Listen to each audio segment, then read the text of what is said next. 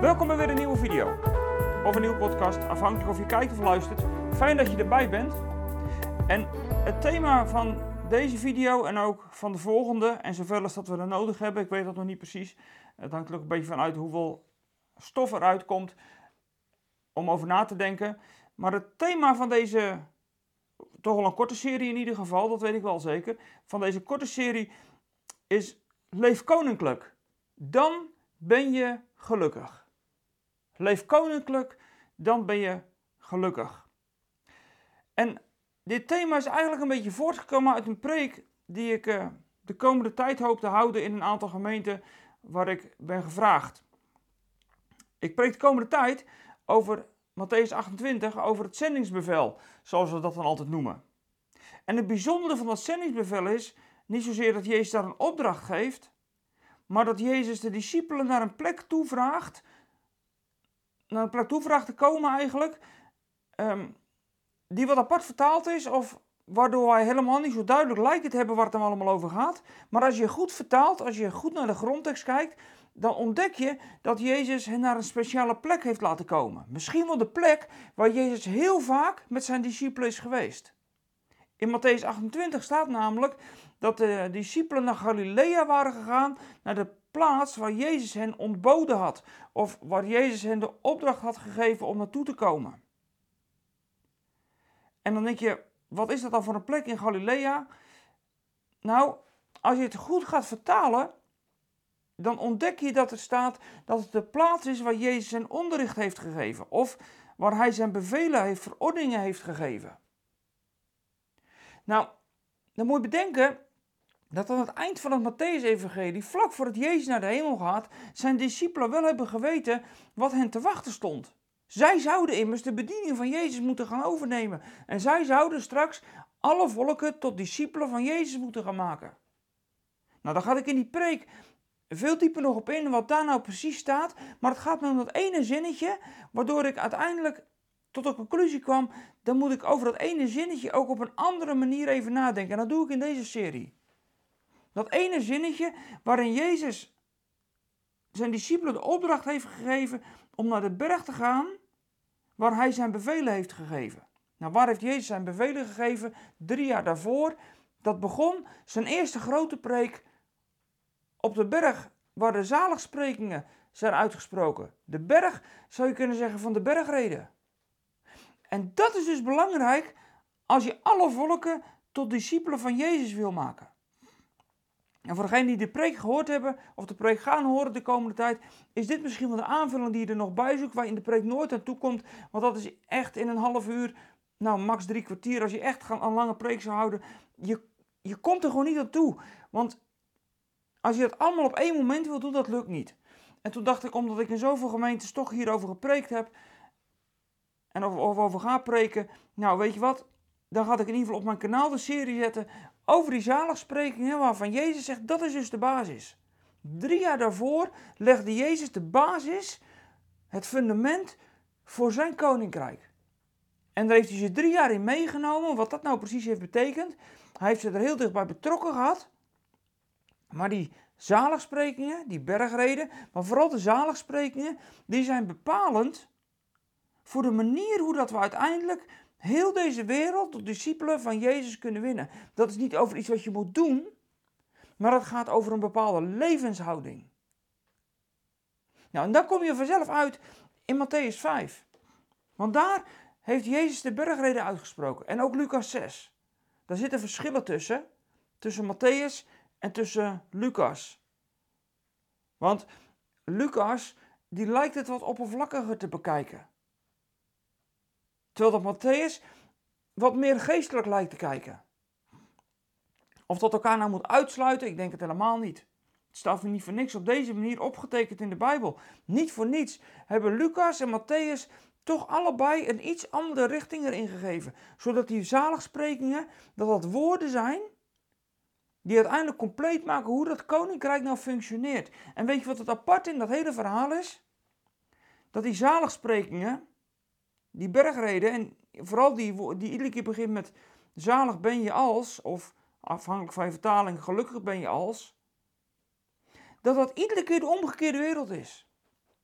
En dan blijkt het dus zo te zijn, als je er goed over na gaat denken, dat doe ik nou even met je, dat het omgekeerde, dat dat nou het koninkrijk is.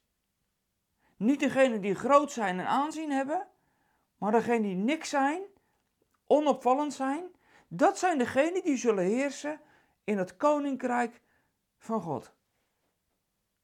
Het is allemaal de omgekeerde wereld. En wat opmerkelijk is, is dat Lucas een onderscheid aanbrengt. Tenminste, een onderscheid, hij doet eigenlijk een aanvulling. Waar Matthäus het heeft over zalig ben je of gelukkig ben je. Daar heeft Lucas ervoor gekozen om tegenover elke zaligspreking een wee uit te spreken. Wat precies het tegenovergestelde is van het positieve. Dus Lucas maakt heel duidelijk dat het over twee koninkrijken gaat: het koninkrijk van deze wereld en het koninkrijk van God. En gelukkig ben je als je het koninkrijk van God, als je volgens dat principe leeft. En dat is niet iets wat je moet doen om daarmee iets te verdienen, maar dat komt voort vanuit je relatie met Jezus. En het is een wee op het moment ja, dat je dat niet doet. Dat je niet volgens het principe van Jezus leeft. En dat wee, dat kom je in de Bijbel meerdere keren tegen en dat is eigenlijk altijd een oordeel. Op een enkele keer na is een wee wat uitgesproken wordt altijd een oordeel. Jezus spreekt een aantal weeën uit over de fariseeën. In het boek Openbaringen komen we weeën tegen die over de wereld zullen gaan als een oordeel van God. Dat zal een verschrikkelijke tijd zijn. En er staat één positieve wee, tenminste dat is niet positief. Ofwel, nou wel, dat is het wee wat wordt uitgesproken over degene die nu als gelovig op aarde leven. Want Satan die is erop uit om wraak te nemen. Dat is openbaring 12, dat is een bekend hoofdstuk ondertussen voor jullie. Als je er veel mee hebt gekeken en mee hebt gedaan. Maar daar staat dan, nadat Satan het kind niet te pak heeft gekregen, die vrouw heeft vervolgd. Wee hen die de aarde bewonen. Want Satan is erop uit om uiteindelijk dan zijn gram te halen op jou die het getuigenis van Jezus hebben en de geboden van God onderhouden. Dat is een, ja, het is wel een negatief W natuurlijk, want W is altijd negatief, want het is een oordeel, het is, een, het is, iets, het is verschrikkelijks, iets moeilijks. Maar in dit geval is het natuurlijk een positieve, omdat het het W is wat Satan uiteindelijk over je uitspreekt, doordat hij je wil achtervolgen. Maar hoe dan ook, een W in de Bijbel is altijd negatief. Is altijd vernietigend, destructief en er blijft er niks van over.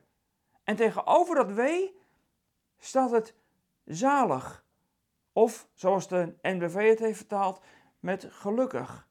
Maar als ik eerlijk ben, vind ik dat woord gelukkig dan weer veel te oppervlakkig. En ik gebruik die NBV nu wel, maar ik vind het woord gelukkig heel plat.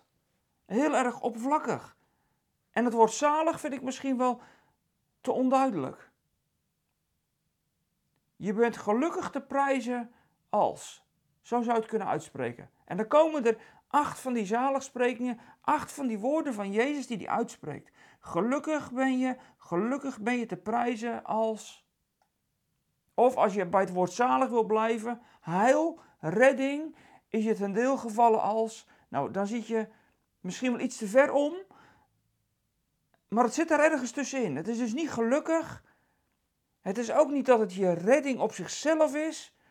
Het is de redding die er. Het is het, het is het gevolg van de redding als het ware. Dus het is een beetje een lastig te vertalen woord. In ieder geval maakt het duidelijk dat degenen die gelukkig of zalig worden genoemd, dat dat degenen zijn die leven volgens het koninkrijk van Jezus. En dat is, de, dat is het fundament om discipelen te maken in deze wereld. Nou, ik lees een stukje met je uit Matthäus 5, dat stukje uit de bergreden waar die zaligsprekingen staan. Matthäus 5 vanaf het eerste vers.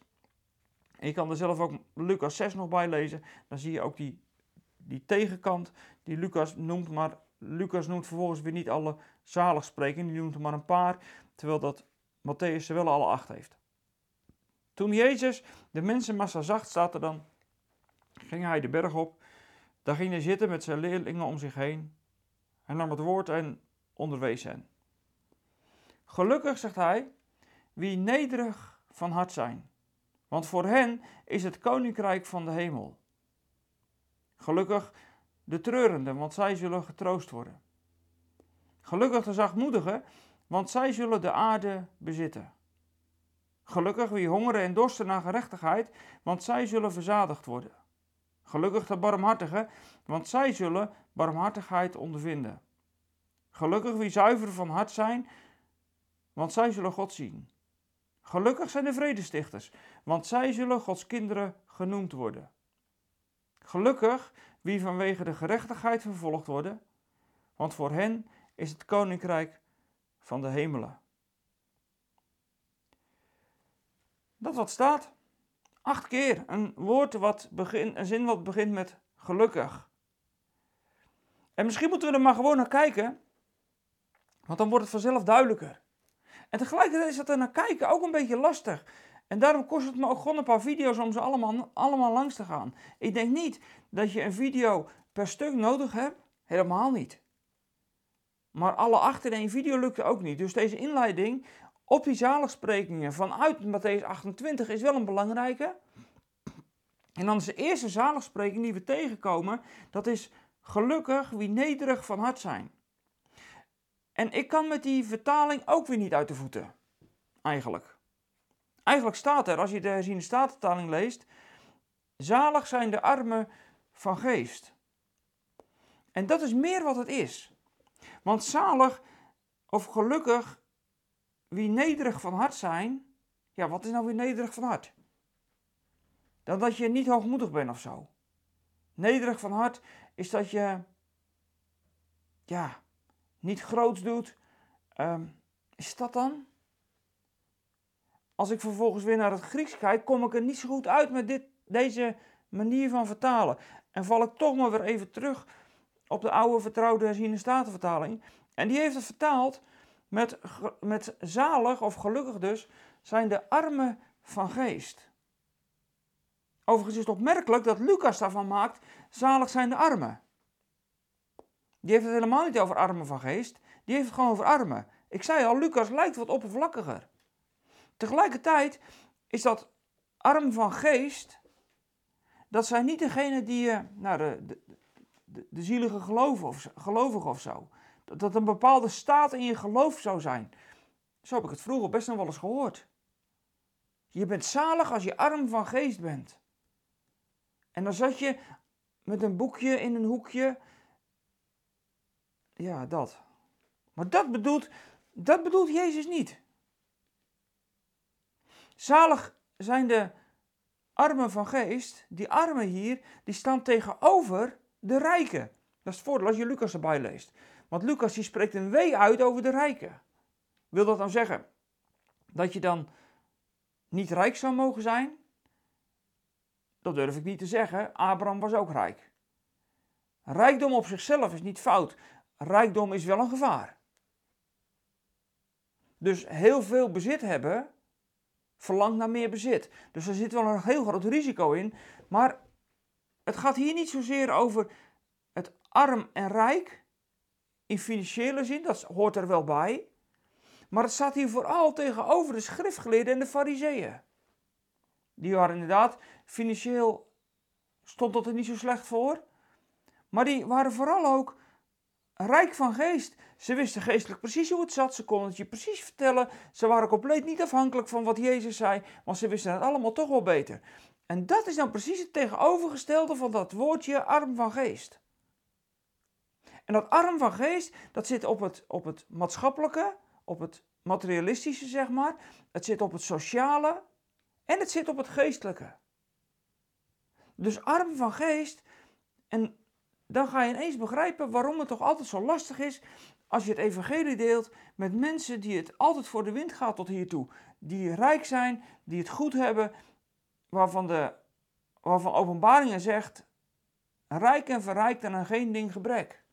Waarom kun je daar zo moeilijk binden met het evangelie? Nou, precies om dit. Je bent zalig als je arm van bent. En een arm van geest, iemand die arm van geest is, dat is iemand, nou, dat is iemand die afhankelijk is, geestelijk, van wat Jezus hem geeft. Dat is degene die zijn rijkdom niet zoekt in deze wereld, want het heeft ook met die rijkdom te maken. En inderdaad, dat zijn degenen die een beetje worden aangekeken zo van, nou ja, topper dat je bent. Ik was van de week op social media, raakte ik in een discussie. Ik voelde me echt zo aangekeken. Dat ik echt zo'n zielige toppert was die de Bijbel gewoon gelooft. En dat was een, een discussie over hoe dat we naar Jezus moesten kijken. En iemand had daar een boek over geschreven. En vervolgens had er ook weer iemand anders een boek geschreven. En die, en die laatste die reageerde vervolgens. Nou ja, dat Jezus niet bestaan zou hebben. Dat is allemaal helemaal niet belangrijk. Want het gaat over iets wat, wat, wat boven deze aardse sferen uitgaat. En ik werd er helemaal moe van. Ik werd ook boos. Want ik dacht van, ik vind het gewoon godslastering. Kom op. Ik voelde me ergens zo aangekeken. Zo van, oh jij gelooft in Jezus. Ah dat heb ik helemaal niet nodig. Ik kan mezelf eigenlijk wel redden. Ik kan het zelf wel oplossen. Nou, dat zijn die rijken van geest. Arm van geest is eigenlijk ook niet alleen het geestelijke, maar ook dat je als volgeling van Jezus ook wel een beetje aangekeken wordt. Zo van, ja, nou, dat is. Dat, ja, dat... Nee, ja. Spiritualiteit. Ja, dat is wel populair. Religie trouwens ook, dat is ook populair. Maar echte relatie met Jezus? Dan ben je sociaal ook arm van geest. Dan sta je ergens geparkeerd. En de ene keer word je een fundamentalist genoemd. Dat ben ik misschien ook wel. Wat boeit dit me als, ik het woord van God vasthoud? En de volgende keer word je zo aangekeken van, ah dat is zo eentje die gelooft in een, in een Bijbel van een boek van 2000 jaar geleden. En dan denk ik soms, blijf van mijn Jezus af. Waarom drijf je met mij de spot? Nou, dat is uiteindelijk omdat je dus arm van geest bent. Dat hoort bij dat arm van geest zijn. Dat is helemaal niet gek. Het hoort bij die, bij die andere kant. Dat tegenovergestelde van deze wereld. Dat wat niet meetelt. Maar wat straks wel zal heersen. Dat zit hier ook in. Arm van geest. Want voor jullie, zegt Jezus, die arm van geest zijn. Die niet zoeken in het grote. Ook voor zichzelf niet. Voor hen is het koninkrijk van de hemel. Dat is de belofte die erbij komt. En dat betekent dus als je rijk van geest bent, zoals die fariseeën, die schriftgeleerden. En al die geleerden en al die filosofen. Al, man, hou op. Voor jullie is koninkrijk van de hemel dus niet. En nu ben ik fundamentalistisch natuurlijk. Maar dat is wel wat er staat. Er staat over die rijken zelfs. Jullie hebben, jullie hebben je deel hier al gehad. Dat staat er in, bij Lucas. Lucas verwijst iedere keer terug. Jullie hebben het al gehad. Die armen nog niet. En ik liep, afgelopen week was ik, ik was een weekje tussenuit en ik liep met mijn hond buiten. Ik dacht van ja, ik heb inderdaad misschien wel heel veel niet op deze wereld. Gewoon omdat je christen bent en dan dingen niet meedoet. Maar ik krijg het straks wel in de hemel in veelvoud. Want het koninkrijk van de hemelen, dat is mij geschonken. Is dat dan niet gewoon bemoedigend? Weet je, zo zijn die, die zaligsprekingen niet een stelletje regels waar je aan moet, moet, waar je aan moet houden.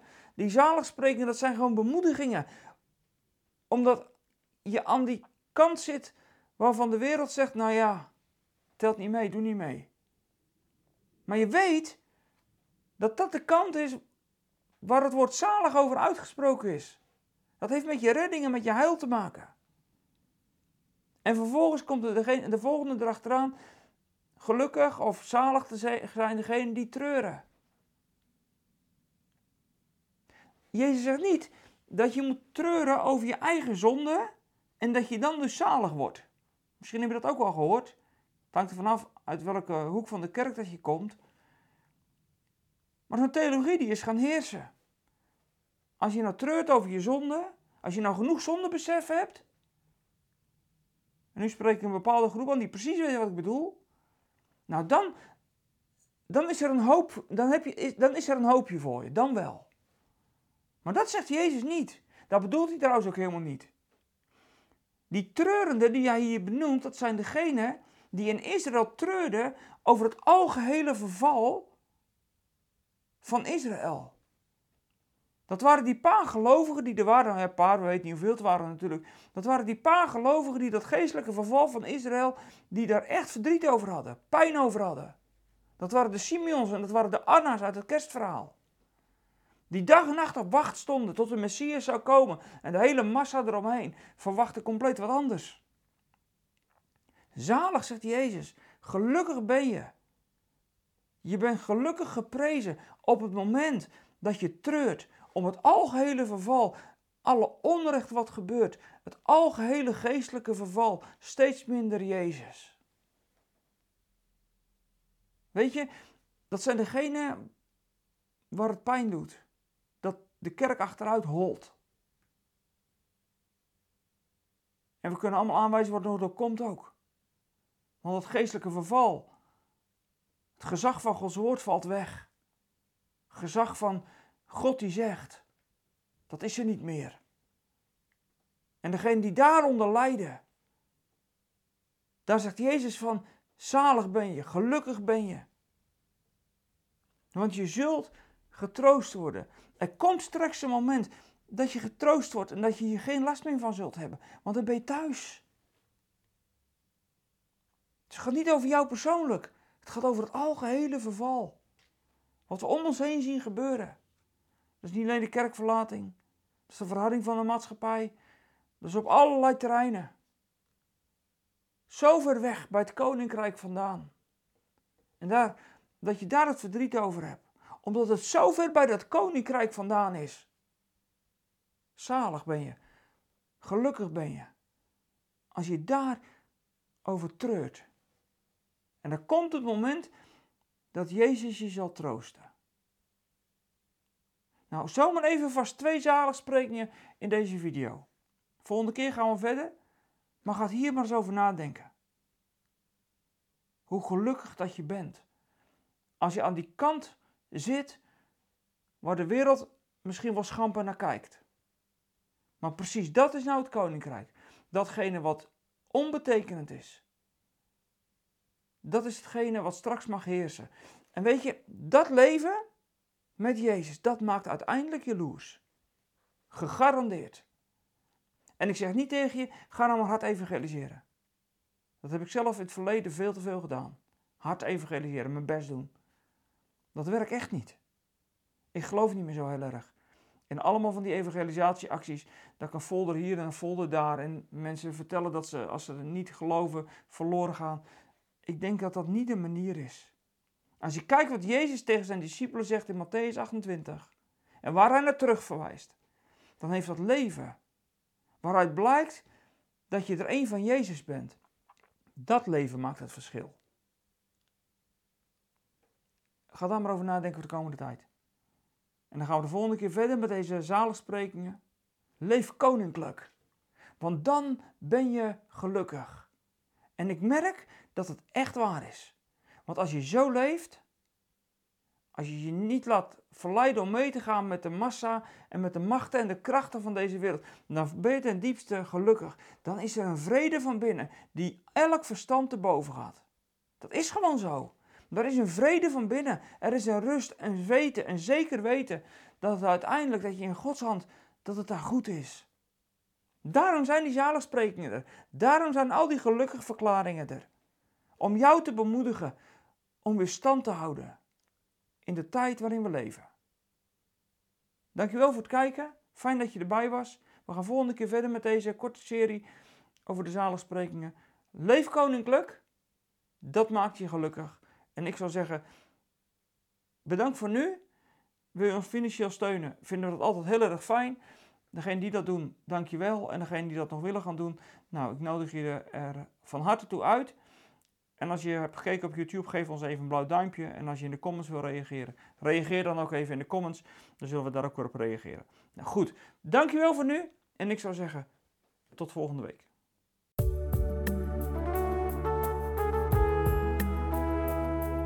We zijn er weer aan het einde van deze podcast. Spreken deze podcast je aan en wil je ons met de gift ondersteunen? Kijk dan voor meer informatie op www.eindeloosgelukkig.nl slash podcast.